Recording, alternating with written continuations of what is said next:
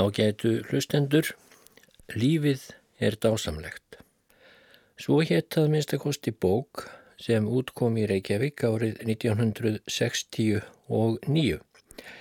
Þetta voru minnisgreinar og æfisöguþættir eftir Jónas Sveinsson Lækni. Lífið er dásamlegt, er ein perla í safni sjálfsæfisagna Lækna sem útkomu á 20. öld og eru afskaplega skemmtileg grein íslenskra bókmenta fyrir utan hvað þeir eru fróðulegar um uh, íslenskt samfélag á mótum fyrir tíma og nútímans. En uh, diggir hlustendur frjálsara handa þekkja reyndar bókina Lífið er dásamlegt. Það er ekki nema 25 árið eða svo síðan ég las úr henni síðast Það var um þverár undrin sem hlustendur muna vendanlega vel eftir en eh, Jónas segir frá fleiru skemmtilegu í bóksinni og í þetta sinn ætla ég að lesa eina frásögnans sem heitir Gorki meirinni minna en Farsóttarhús draugurinn. Svo skrifar Jónas. Ef við leifum okkur að skilgreina hinn að vísindalegu efnishyggju á þá lund að grundvöllur hennar sé afneitun allarar vittnesku umfram þá sem maðurinn getur aflað sér með skilningarvitum og aðstofan okkur að mælitækja, þá hygg ég að sangernir menn geti fallist á þá skoðun að blómaskeið þeirrar hyggju hafi staðið einmitt árin sem ég satt í læknaskólanum í byrjun 2000. aldarinnar. Helsta hjálpartæki okkar læknanemana til að greina hið ósýnilega var þá smásjáin. Síðar kom rafindasmásjáin og þá ímisfullkominn og flókinn mælitæki á sviðili fræðinar. Öll þessi tæki hefðu eðlis síns vegna átt að trista grundvöld hinnar vísindarlegu efnisíkju samkvæmt kennisetningum hennar sjálfrar. Hitt var þó raunin á að þau íttu mjög undir grunnsemdir manna að hinn dýpri lífssannindi væru þess eðlis að manninum tækist seint að finna starfræðilega formúlu er skýrið þau til hlítar, nýheldur mælikvarða sem næði til þeirra. Þau jöku sem sagt undrun okkar á öllu því sem dulist getur mannlegri sjón, heyrn og snertingu. Það var svo við tilkomu öryndafræðinnar sem Halla fór undan fæti fyrir efnishíkjunni í sinni gömlu og góðu mynd. Fram að þeim tíma var það skilda vísindamannsins að trúa því að efnið væri dögt og styrnað. Kjarnorku vísindin hafa hins vegar fyrst og fremst sannfært okkur um það að við þekkjum í rauninni ekki eðli efnisins.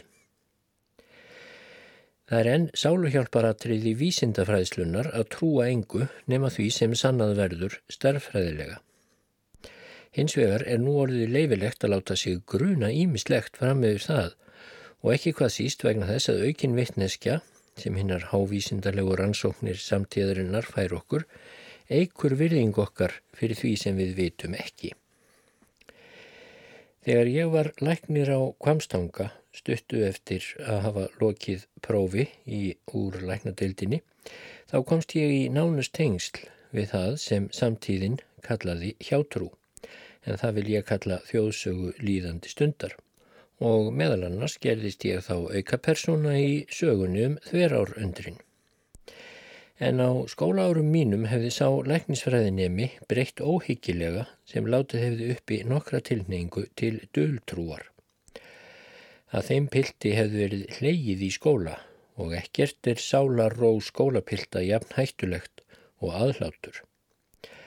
Það sem maðurinn gemdi í hugskoti sínu gatt hins vegar ekki skadaðan, þrátt fyrir kunnáttu mína í skinsamlegri afstöðu til þessara fyrirbæra, var ég aldrei handgengnari hinn í vísindalegu efnisíkju en svo að ég lefði mér þegar á fyrstu skóla árum mínum að efast um ein bíli hins sjáanlega og mælanlega í veröldinni. Ég var með öðrum orðum neyður til dulhyggju og hvað svo sem skólafélagar mínir kunnið hafa látið uppi, þá var mér kunnugt um að margir þeirra gerðu það engu síður en ég. Ungir menn ræðakjarnan sín í milli ímismál sem þeir láta ekki uppi við kennara eða aðra. Af þessu tilefni ætla ég að segja söguna um farsóttarhús draugin eins og hún gerðist, influensu og óra veturinn árið 1918. Farsóttarhús draugurinn kviknaði við krupningu en krupning er bísna merkilegur þáttur í námsferðli læknastúdenta og miklu þýðingar meiri en menn gera sér almennt grein fyrir því hún er sannkölluð eldraun. Krupningasögurnar eru margar og enga hef ég heyrt sem ekki væri að einhverju leiti merkileg. Svo förðulegasta, sem ég hefði kannski heldur átt að flokka með hugleðingum um kviksetningar, er þó sagan af því þegar sjómaðurinn var krufinn í gömlu kapellunni í kirkjugarðinum við Suðurkötu. Til sannindamerkis um þann atburð voru mér síndir dökkir blettir á fjalagólfi kapellunar rétt framann við aldarið en timpur hefur þann eiginleika á samt marmara að drekka í sig blóð og geima dreira litin um aldur og æfi. Þessari sögu var almennt trúað um það leiti sem ég byrjaði lækna nám og var hún á vittorði margra lækna. Þannig bar til að ungur og þrekmikill sjómaður druknaði í lendingu einhver staðar í grend við Reykjavík í tíð Jóns Hjaltalíns landlæknis skömmu eftir stopnun læknaskólan Skamla. Með einhverjum ráðum tókst Jóni landlækni að útvega líkið til krupningar handa stúdendunum. Þá taldist slíkt til stór happa að fá lík ungra manna og hraustbyggðra til slíkra rannsóknar.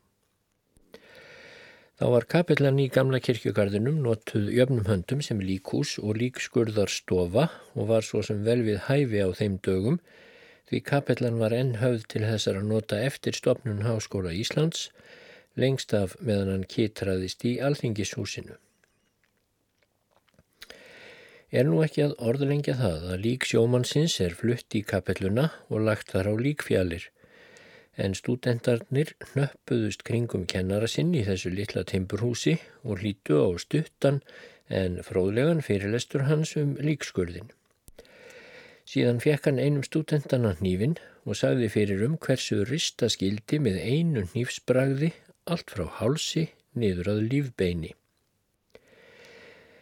Nefandin brá nýpnum á háls líksins og risti ristuna löngu en í sömu handráni greip stór og sínastælt hönd líksins um úrlið hans svo fast að hann misti nýfsins.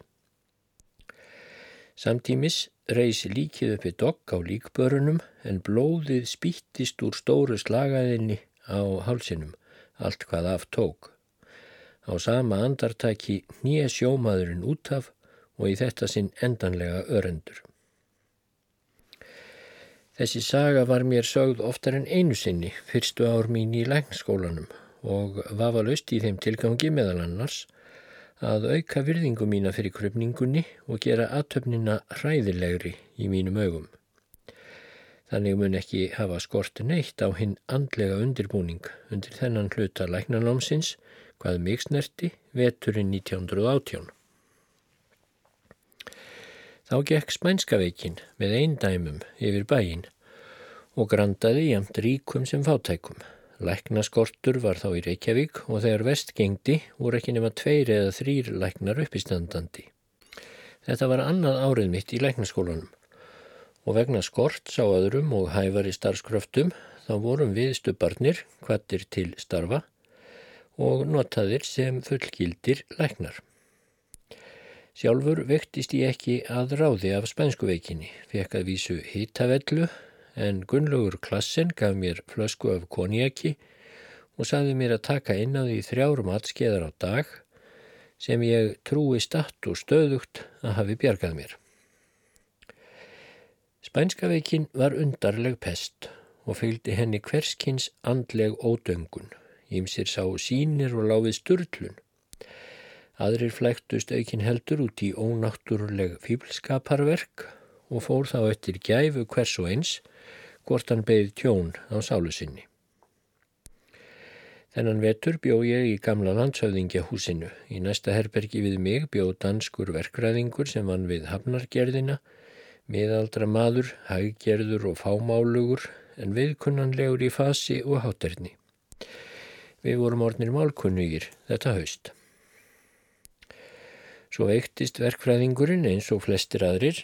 Ég leitt inn til hans kvölds og morgna meðan hann þurfti þess með. Hann átti ekki lengi í þessum veikindum, var það vísu mjög veikur en komst fyrðu fljótt á batavegað nýju. Svo var það kvöld eitt er ég þóttist vissum að granni minn væri næri full bata að mér brá illa í brún því ég heyrði neyðaróp frá honum handan við þylið. Ég var háttaður en hafði bóðið þessum kunningja mínum góða nótt nokkru áður. Þá var hann resilegur og að því er virtist næstum hita laus. En á eftir ópinu fylgdu högg í þýlið og rópum hjálp. Ég sendi stöðu þetta fram úr og hljóp til hans. Þegar ég komin í herbergið satt hann upp í rúmi sínu, ná fölur af skelvingu og í svita kofi. Þegar svo hafði bráð af nágranna mínum að hann mátti mæla, Þá gaf hann mér þá skýringu á framferði sínu að hann hefði vaknað rétt áður við það og honum þótt einhver vera inni hjá sér í herberginu. Tungl var næri fullt og skeinin um gluggan þannig að heita mátti bjart í stofunni.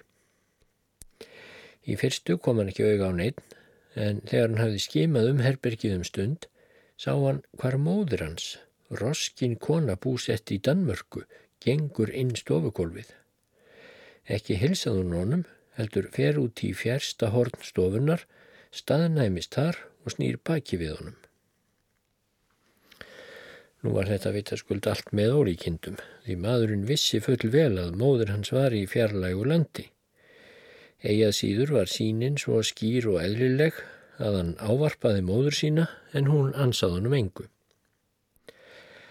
Hann hafði séð beint framann í hana er hún gekkin á gólfið Þar sem hún stóð í horninu sá hann aftan til á vanga hennar, auk þess þekktan gjörla föttin sem hún var í. Og þarna stendur hún nokkra stund, gjörsamlega hreyfingar laus, uns hún að lokum snýri sér við, svo að tunglskinnið bar í andlit hennar. Í sömu andráni þykist verkfræðingurinn granni minn sjá í gegnum klæði móður sinnar og sjá þar í nakta beinagrend. Þá var það sem hann efti upp, en samtímis kvarf sínin. Nú þannig að lág maðurinn sem sagt hugstóla af skelk því hann þóttist hafa séð fyrðu móður sinnar. Ég gerði mitt ítrasta til að sannfæra hann um að þessir órar væru aðeins eftirkvöst influensunar. Taugakerfið væri í ólægi. Árangurinn af fortölum mínum hefur að líkindum ekki verið mikill en ég gaf hún róandi líf í ábæti og það hafði sín áhrif. Ég var þreyttur þetta kvöld því vinnudagurinn var langur í spænsku veikinni. Ég hafði séð marga deyja síðustu dagurinn og eftir þessa skyndi vitjun til danska verkfræðingsins ætlaði ég aldrei að geta sopnað. Þegar ég lokaði augunum runnu fyrir sjáöldrin í óendanlegri fylkingu, feigðar bleikar ásjónurnar sem ég hefði haft fyrir augunum síðustu daga. Andi döðans fyllt í stofuna mína og ég varð gagn af skelvilegri minnumóttarkend gagvart döðanum. Ég hef oft gerst sekur um fýbldirfsku en kjarkmaður hef ég þó aldrei verið að eðlisfari. Á þessu tvennu er reygin munur. Í fyrsta sinn sem ég sá dregna tönn sem var norður á Holmavík í æskuminni, þá ætlaði að líða yfir mig. Í fyrsta sinn sem ég var við uppskurð, þá leiði ég vítis kvalir. Þetta var brjósta aðgerð á ungri tæringarveikri stúlku. Rifin voru numinn burt til að leggja saman lungað. Það var Guðmundur Magnússon, læknir og síðar professor sem aðgerðina framti.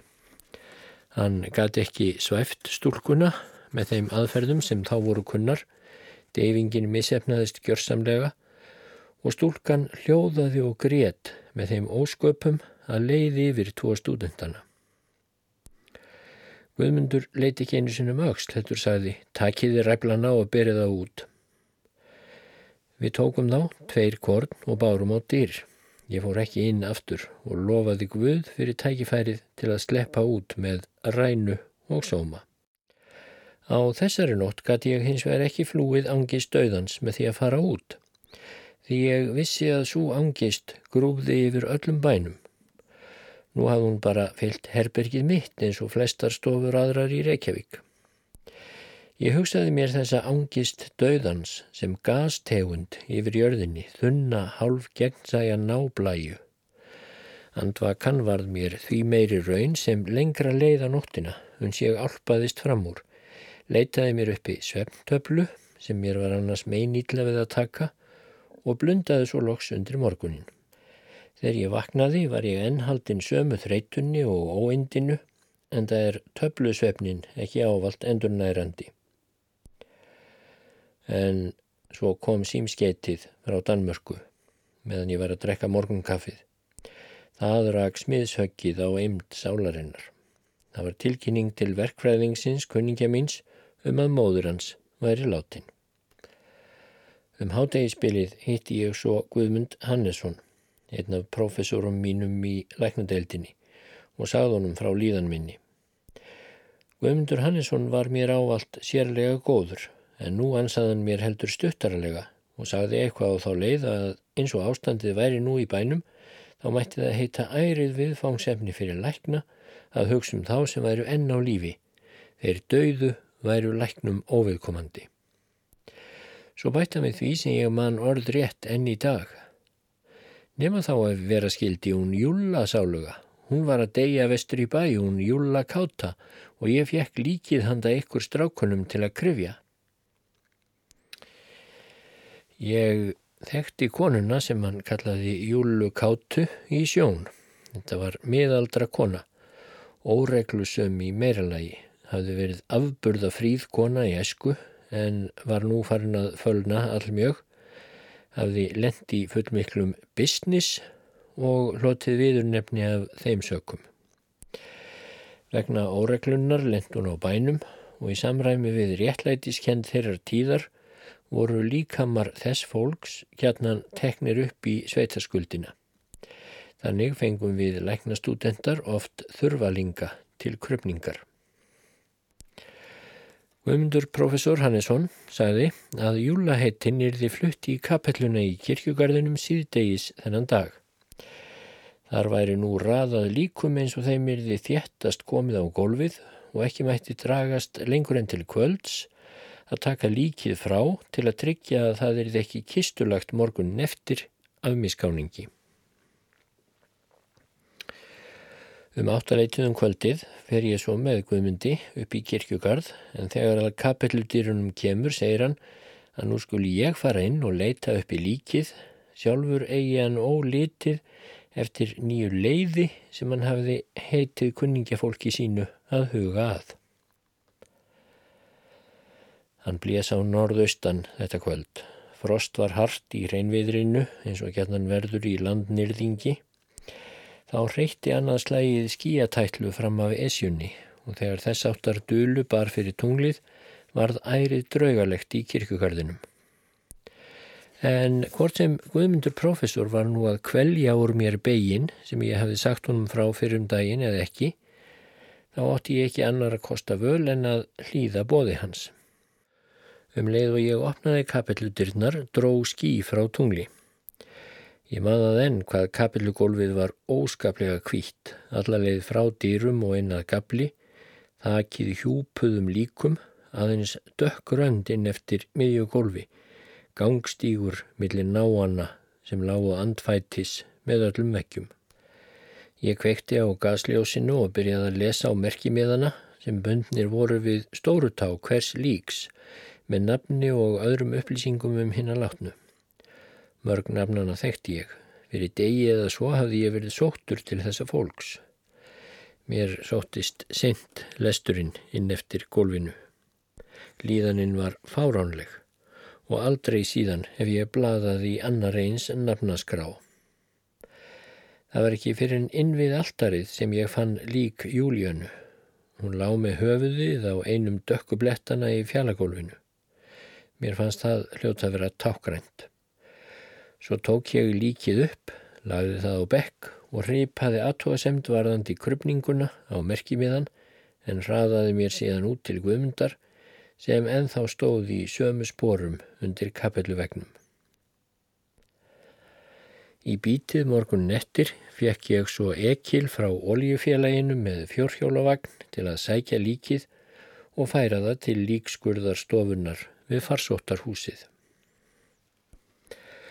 Um þetta leiti var gæslukona í líkskurðarstofunni sem Sigriður hétt, roskinn dugnaðarkona, samviskusum með afbregðum og annáluð fyrir einurð sína og óvílni. Hún vann það þjóðþrifa starf að halda líkskurðarstofunni hreitni fyrir læknanemana og leggja í opnin þar en fekk í staðin og kepis húsnæði með ljósi og hita í farsóttarhúsinu. Það ríkti gagkvæmt undantekningar ástand milli okkar læknastúdentana og sigriðar. Laungu fyrir mínatíð höfðu stúdendar gert tilraun til að rekja sigriði í því skinni að reyna taugóstyrk hennar og kjark, meðal annars með því að reysa upp beinagrindur og lík í þessum húsakinnum og láta hann að koma þannig að þinnum framliðinu í ógnveikjandi stellingum þegar hún snaraðist inn í stofuna fyrir byrtingu að modninum til að kveikja upp í ofninum. Þegar ég kom til skjálana þá höfðu þessar tilraunir lagst niður fyrir löngu því það þótti full sannað að Sigriður kunn ekki að hræðast. Í þetta sinn var Sigriður fyrir í líkskurðarstofunni þegar við komum með lík Júlu Kátu. Helst minnir mig að hún hafi gefið í skín að þær hafi verið kunnugar. Hún hjálpaði mér að leggja líkið til á skurðarborðinu og kveikti síðan upp í ofninum. Eftir hádegið þá hóaði Guðmundur Hannesson okkur stúdendunum saman. Sjálfsagt hafa einhverjir hinnastrákana verið við krupningu áður en ég hafði ekki tekið þátt í slíkri aðtöfn fyrr. Þannig að lág svo líka með júlu kátu alls nakin á borðinu fyrir framann okkur. Profesorinn hafði þegar dælt í hana rótvarnarefnum. Nú gekk hann að líkinu og risti fyrir ofan barka og niður að lífbeini með einu rólegu nýfsblaði. Tók síðan út á lungu og hjarta, hjælt nákvæman en stuttan fyrirlestur um þessi þývingar miklu lífæri en fjarlæði þar næst maga og annur innibli á sama hátt og útlutaði okkur síðan hverjum um sig, einhverjum líkamsluta til kröpningar. Í minn hlut kom framhandleggur. Hér var nú hafinn margra daga þrótlaus vinna af hálfu okkur stúdentana. Og það fyrðulega skeiði, öggurinn sem hafði þjáð mig hátt á annan sólaring vek nú frá mér. Í staðin kom gálgakæti. Það kvarlað að mér þegar Guðmundur profesor mundaði hnífinn til að rista löngur ristuna hvernig okkur yrði við ef júla káta spritti nú á fætur. En svo hugsun vakti mér ekki hrylling og eftir andartak róaðist ég og sökti mér niður í starfið. Við unnum eins og ég ákvæðisvinnu. Strax og einhver okkar hafi lokið grubningu og aðtugun á fyrsta líkamslutanum þá fekk hann annað viðfangsefni. Í líkskurði eins og þessum eru öll lög líkamanns aðtuguð gömgefilega og aðskilin, húðin skorinsundur, bandvefurinn listur frá, aðtógaðar æðar og taugar og vöðvarnir síðan teknir til rannsóknar á sama hátt. Fyrsta daginn unnum við í einni lotu til klukkan sjöum kvöldið, þá var gert matarlið og að því loknu máttu þeir sem vildu koma aftur og vinna fram eftir kvöldinu. Hvað sem því allir, þá mun ég hafa verið einna ákafastur við verkið, því ég kom fyrstur tilbaka frá kvöldverði. Þá var klukkan hálf átta. Það var næstum því myrkur í stofunni því dreyið var niður í gaslampanum, göttuljósker sem stóð á grundarstíg, bar hins vegar byrtu inn um þakljóra og grænleitur gasbjarminn fjall á líkið þar sem það lág á borðinu. Ég brölt upp á einn af þrýfótunum sem við sátum á við verk okkar og ætlaði að seilast í lampasnúruna og skrúfa upp í gaslampanum. Hversu styrkur ég hef verið á fótunum veit ég ekki en nú fannst mér stólnum vera kift undan mér og ég satt allt í einu flötum beinum á gólfinu og gláfti á líkið á borðinu fyrir ofan mig. Þá fann ég að ég var sannarlega ekki jafn kaldur og rólegur og ég hefði kosið. Ég var kannski ekki beinleinis rættur eins og við skinnjum hræðslu oftast, heldur blandin óbeitt og örvilnan þess manns sem finnur sig til knúin að rýsa á fætur og storka sínum eigin auk. Í því ástandi stóði upp, skrúfaði rólega upp í lampanum og var tekinn til starfa þegar hinnir komu. Ekki man ég hvað við vorum margir strákarnir við þetta starf þá um kvöldið en við unnum lengi fram eftir og ákvaðum að hefjast enn handa klukkan sjö næsta morgun. Nú var það hátur Guðmundar Hannessonar professors við krupningar að koma jefnan fyrstur að morgni og undirbúa dagsverk okkar stúdendana. Þeim sem til þekktu kom því á óvart að hann skildi bregða þeim vana sínum þennan morgun. Við komum að tómu húsi og dimmu og köldu í þokkabót sem var ekki síður fyrðulegt því Venja Sigríðar var að kveikja upp strax klukkan 6 svo notalegt væri orðið í stofunni þegar Guðmundur professor og félagar hans kemur til vinnu. En svo byrtist Guðmundur professor rétt á eftir okkur og þá kom á daginn að hann hafði aðeins bröðið sér upp á loft til Sigríðar sem hann óttaðist að væri nú lögst í spænskuveikinni þar sem hún hafði ekki kveikt upp. Guðmundur kom að Sigríði þar sem hún satt við eldhúsborð sitt að kaffidrykju, litverp mjög.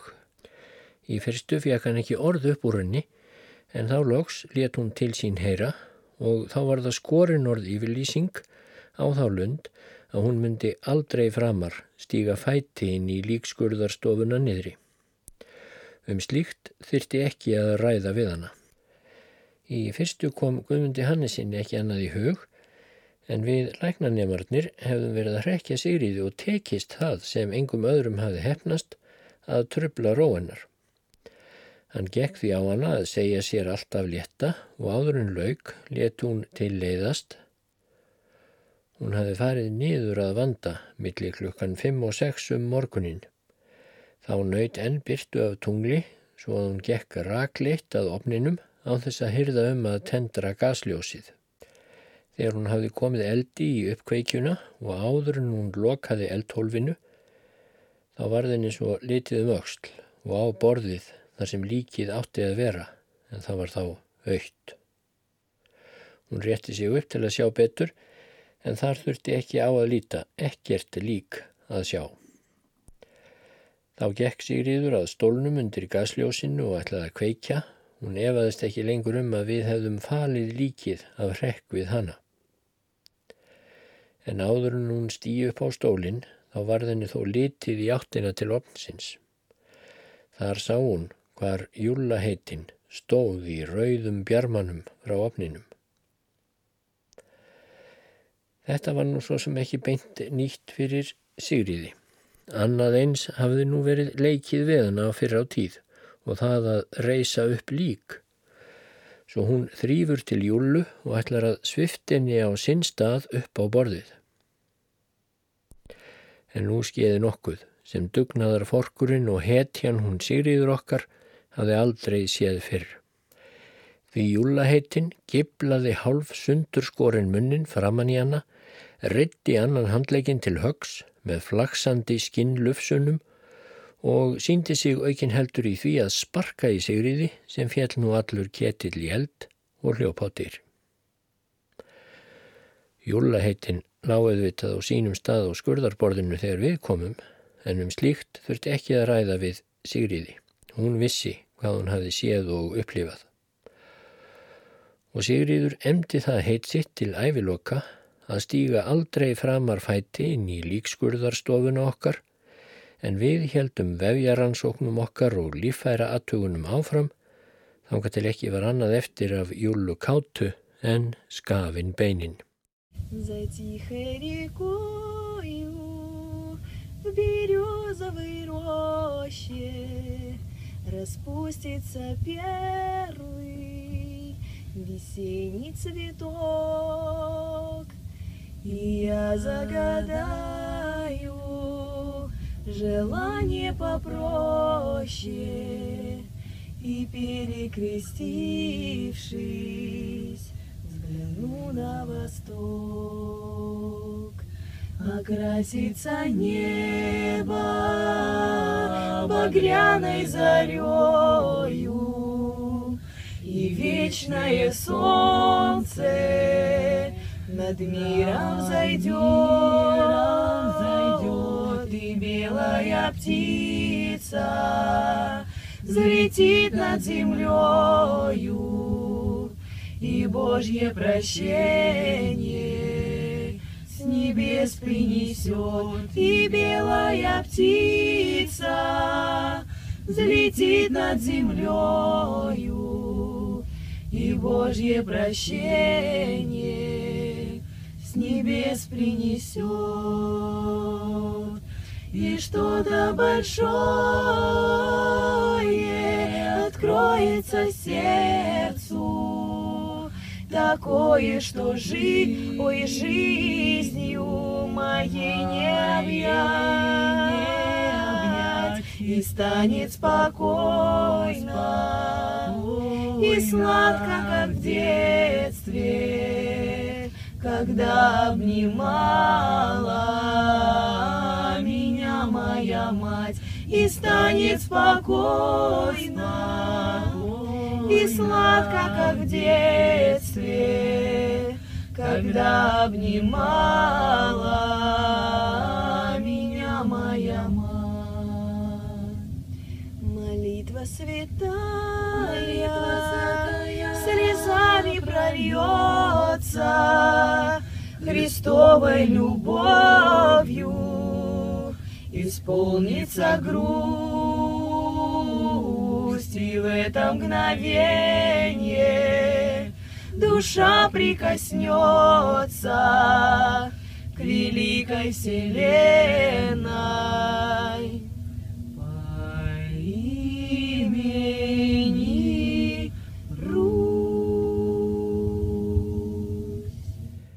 Hvenær er maður dauður? Þannig spurði eitt sinn kunningi minn, mikill jarl í íslenskum stjórnmálum. Maðurinn er alltaf að drepast, svaraði ég. Og ég er í þessu tilfelli Jónas Sveinsson læknir. Því ég er að lesa upp úr æfiminningabók hans, Lífið er dásamlegt. En Jónas held áfram. Þessi kunningi minn, hann spurði í alvöru og ég svaraði honum líka í einlægni. Það kom í ljós að hann óttaðist kviksetningu.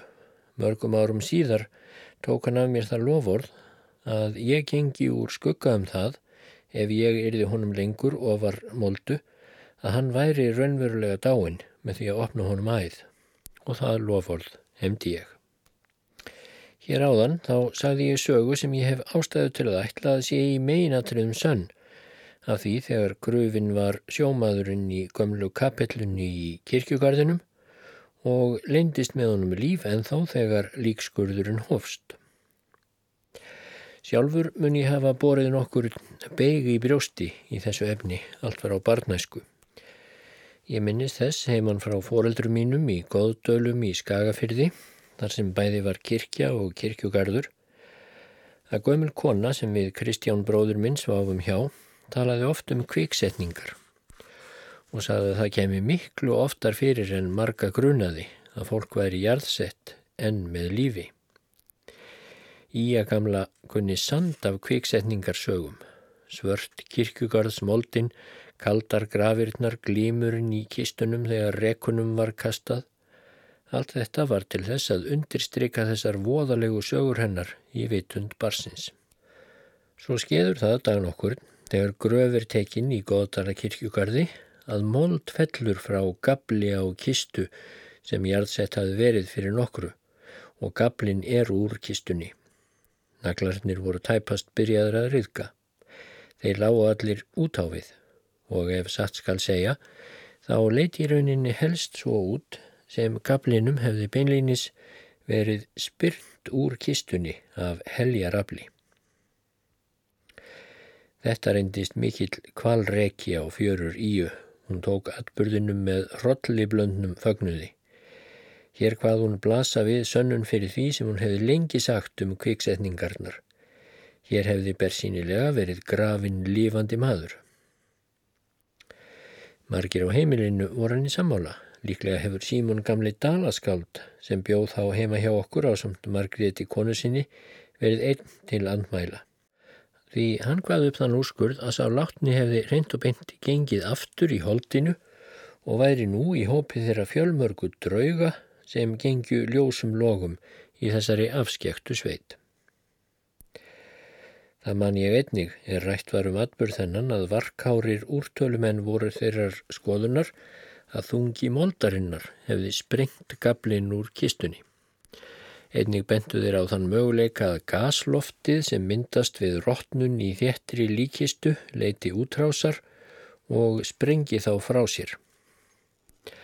Aðrir sem vit þóttust á hafa, andmæltu, bentu þeir á að gablin væri feldur þannig í kistuna að þrýstingur moldarinnar ætti fremur að festa hann í kistunni heldur en hitt, en það held í moldin einnig að göblunum.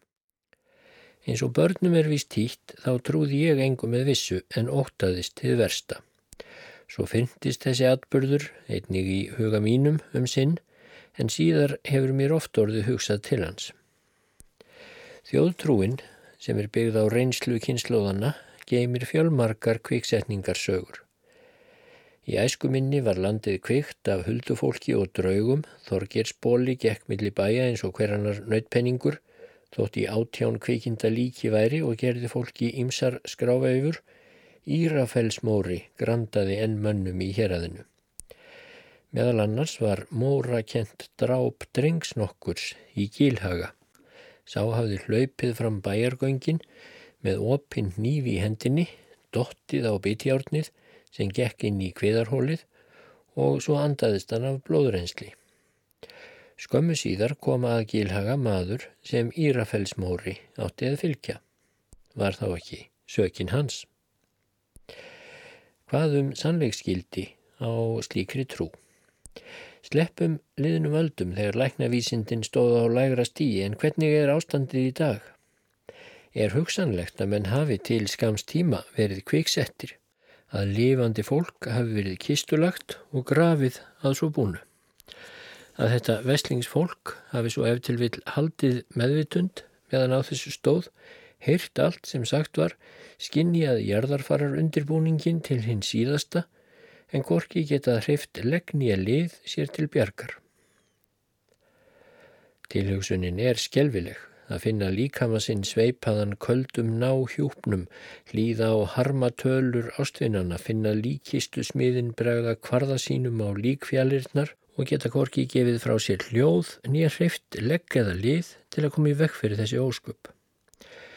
Slíkur er aðdragandinn í þjóðsögunni um kviksetningar.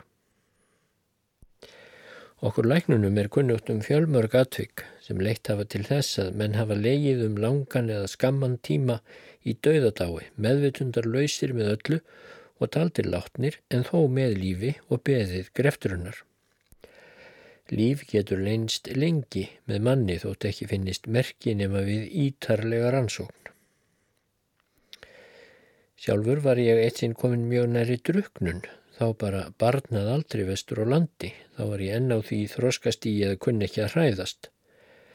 Við vorum að leik nokkrir strákar saman á grasigrónum árbakka við lignan og djúpan hil, sól skein í heiði og veðrið var einsmilt og best getur orðið á sömardegi. Alla langaði okkur að baða sig í ánni en þegar á holmin kom þorðu félagar mínir ekki út í heilin sem ber náttúrulega greint þeirra fagvört vittni. Ég þorði aftur á móti og sökk tafarlaust til botns. Það eina sem ég mann enþá glögt frá atbyrðu þessum er það að ég láð þarna á árbotninum og undraðist hver sólinn skein enkennilega gegnum vatnið. Ég var óhrættur með galopin augun og lág á bakinu með fætturna undir hólbakkanum. Svo kom myrkur. Einhver félaga minna hafði hlaupið til, svo trífu og krakað mig upp úr ánni, gjörsamlega meðvutundar lausan. Svo lögðu þeir mig á grúfu og hvaðu mikið vatn hafa runnið upp úr mér áður en ég rankaði við. Þarna hefur sjálfsagt litlu munað að ég gespaði gólunni. Við óhöpp á borð við þetta skeður það oft að krampasamdráttur kemur í rattböndin svo tilturlega lítið vatn kemst hon í lungun. Þess eru dæmi að tekist hefur að lífga við menn sem leið hafa um stund í vatni og grunn hef ég um að tíðum hafi lífgunnar til raunum verið hætt og afsnemma. Eftir einu atviki mann ég veistan úr Vínarborg, veturinn sem ég var þar við nám og vann í líkskurðarstofunni við Algemænis Krankenhaus. Konan okkur hafi fundist lífvana út í skói í grend við borgina og hafi leiðið þar næturlangt í hörkufrosti. Hún var flutti í líkskurðarstofuna til kröpningar. Þar voru fyrir yfir 30 lík sem betur fór því fresturinn sem varð á því að röðin kæmi að henni hafði úrslitað þýðingu. Það var tilturlega hlýtt í sjálfur í líkskurðarstofunni samanborið við frosthörkuna úti og þegar að því kom kvöldið eftir að hafið skildi handa um kröpninguna þá veittu lækna stúdendarnir því aðtigli að konan hreyfiði annan fótinn. Var þá ekki að sökum að spyrja, læknar hófu lífgunar til raunir og innan skams komst konan til meðvutundar og síðar til fullrar hilsu. Um það eru fjölmarkar sögur hér á landi að fólk hafi hreyfst á líkbörunum. Fór það þá helst eftir greind og skapstillingu nærstatra hversu við var bröðist eins og að líkumlætur í landi hinnar skefjalausu draugatrúar.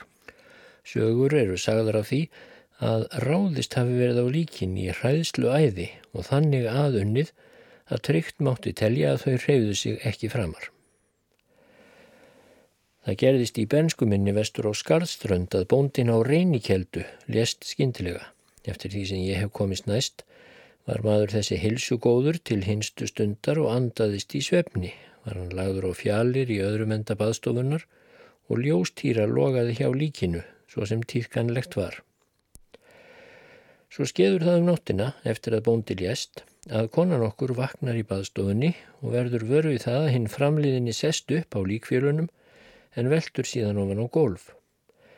Skiptir það engum tógum að fólkið á bænum verður gripið óskaplegri hræðslu, klæðist í miklum flíti, grípur kornabarn úr vöggu og flýri í náttmirkri og hríðar bil til næsta bæjar. Morgun eftir fekk fólkið svo mannfylgt heim til sín þá lág bóndi örendur á kvöldu gólfinu. Ekki veit ég hvað hér hefur gerst en sennilegt má telja að líf hafi leynst með bónda og und hefði verið að lengja lífans ef þekking og hjálp hefðu komið til í stað örvendingarinnar. Tvö dæmi veit ég um að líkin sem menn heldu að væru vöknuðu til meðvutundar og gáttu greint frá því sem gerðist meðan þau lágu á líkbörunum. Í bæðiskiptin var um ungar stúlkur að ræða og má næri geta hversu svo reynsla hefur orkað á þær að býða kviksetningar með fullkominni meðvitund. Það var nokkru fyrir aldamótin að ung stúlka lést að skarði á skarðströnd var lögð til í framherbergi í gamla bænum á skarði og allt búið undir kistulagningu. Þá skeður það allt í einu að köttur sem hafi verið mjög hendur að stúlkunni stekkur upp á brjósti líksins og læsir klónum í holdið. Við þetta rökk stúlkan upp úr dauða dáinu sem hún hafði kvílt í. Hún komst til fullrar helsu en var mjög lengi að jafna sig eftir óttan því hún hafði allan tíman meðvitund og skinnjaði hvaðeina sem fór fram í kringum hana og heyrði jafnvel hamarshöggin þegar smiðurinn var að reka saman líkistu hennar úti í skemmu að ekki sé minnst á jarðarfarar undirbúningin í stofunni hjá henni. Hinn atbörðurinn varði í Köldukinn á Fellströnd. Þar lést engadóttir hjóna eftir stuttalegu og var líkið lagt til í framherbergi á bænum. Móðurinn var harmi lostinn og var þenni tíð reikað fram til líksins og fór höndum um það. Í einni umveitjuninni veitti hún því svo aðtikli að líkið kólnaði ekki undir höndunum og ekki heldur þó dagar liðu. Kvöld eitt þegar hún gekk fram til líksins með logandi kerti, let hún nokkra dropa af heitri tólk drjúpa á brjóstu líksins, fór þá betur en á horðist því stúlkan kvenkaði sér, vaknaði skömmu síðar og náði góðri heilsu. Í þessu tilfelli eins og hinnu fyrra hafði stúlkan skinnjað ástand sitt og allt sem var að gerast kringum hana en var allsendis magn stóla og gæt enga björg sér veitt. Hún var einnig mörg ár að ná sér eftir óttan við kviksetninguna.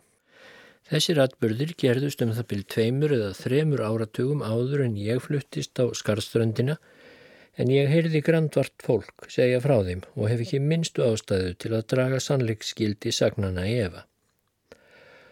Úr árnisíslu heyrði ég þá sögu af munni greinar góðs bónda að þar hafi andast kona mektarbóndan okkurs og verið kistulögð.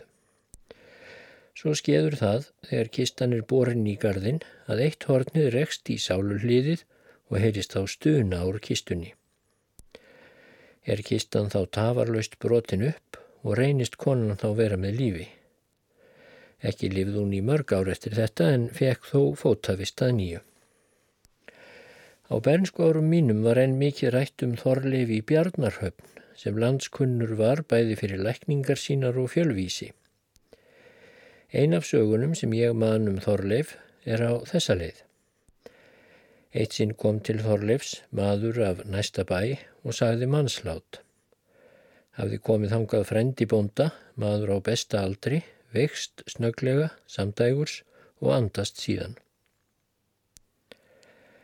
Þorleifur hafði þann síð er honum var mikið niðri fyrir að hann satt á rúmi sínu, rýri fram í gráðið og horfi í göpnir sér. Þetta gerða nú um hríð. Hunsan leitt skindileg upp, kvesti augun á komumann og sagði hann er ekki dáinn, hann lifir. Það svo mæltu bjóðan sig að heimann í snatri, skundaði heim til nágranna síns og reyndist hafa satt að mæla. Maðurinn láaðins í dauða dái og Þorleifi tókst ekki aðeins að vekja hann til lífs heldur einnig að koma hann til fullkominnar heilsu.